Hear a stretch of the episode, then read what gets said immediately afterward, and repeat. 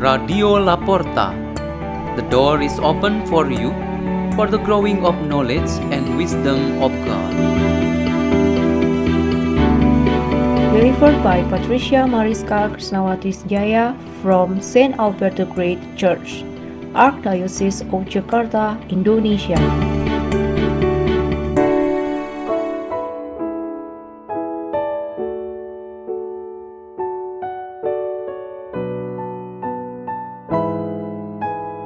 Reading and meditation on the Word of God on Thursday of the 32nd week in Ordinary Time, November 10, 2022.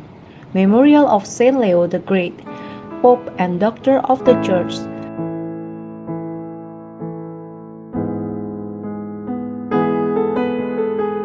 The reading is taken from the Holy Gospel according to Luke. Asked by the Pharisees when the kingdom of God would come, Jesus said in reply, The coming of the kingdom of God cannot be observed, and no one will announce, Look, here it is, or there it is. For behold, the kingdom of God is among you. Then he said to his disciples, The days will come when you will long to see one of the days of the Son of Man, but you will not see it.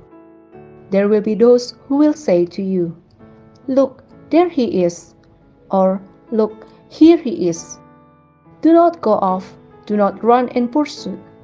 For just as lightning flashes and lights up the sky from one side to the other, so will the Son of Man be in his day. But first, he must suffer greatly and be rejected by this generation.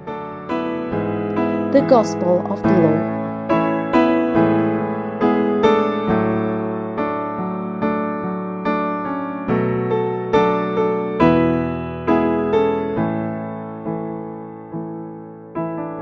The theme for our meditation today is The Kingdom of God is in your midst.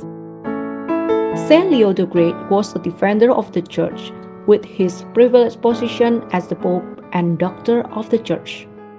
He was born into an Italian noble family and had extensive opportunities to study until he became a great Bible scholar, theologian, writer, and preacher.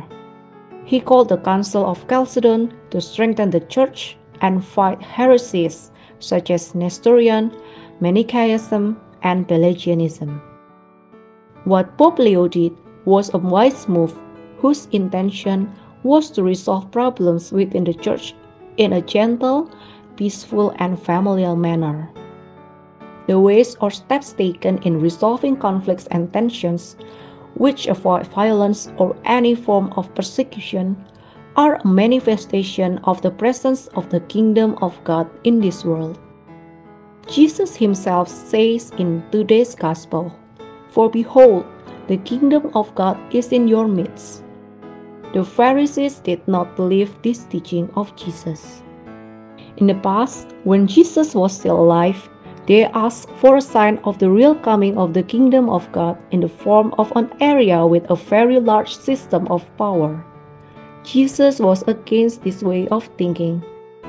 Now, these Pharisee attitudes are on people who like to ask for miracles or great wonders to happen quickly and satisfy human desires. One of the main characteristics of the spirit of life in this world is blindness and deafness both physically and mentally to the presence of God in the midst of His people. This God, who is present, speaks from the conscience of each of us, or wisdom so subtle that it can penetrate our deepest minds and hearts. That presence, as His clear world, cannot be touched and seen, but as a spirit that comforts, encourages, and strengthens us. That presence is the wise and Holy Spirit, as St. Paul wanted to be present himself in order to encourage the faith life of any church congregation he built, and also the confirmation he gave Philemon. In short, the presence is the incarnation of God through comments, inspiration, values, wisdom, morality, and virtues. All of these are the real presence of the kingdom of God in our midst. We are taught by Jesus in his prayer for the coming of the kingdom. The kingdom is to rule our lives and free us from the evil influences of this world. This kingdom is also the eternal life that each of us will achieve through our own death in this world. Let's pray. In the name of the Father, and of the Son, and of the Holy Spirit. Amen. O Lord Jesus, keep us always open to the presence and coming of your kingdom, and we are eager to welcome you. Glory be to the Father, to the Son, and to the Holy Spirit, as it was in the beginning, is now, and ever shall be, the world without end. Amen. In the name of the Father, and of the Son, and of the Holy Spirit. Amen.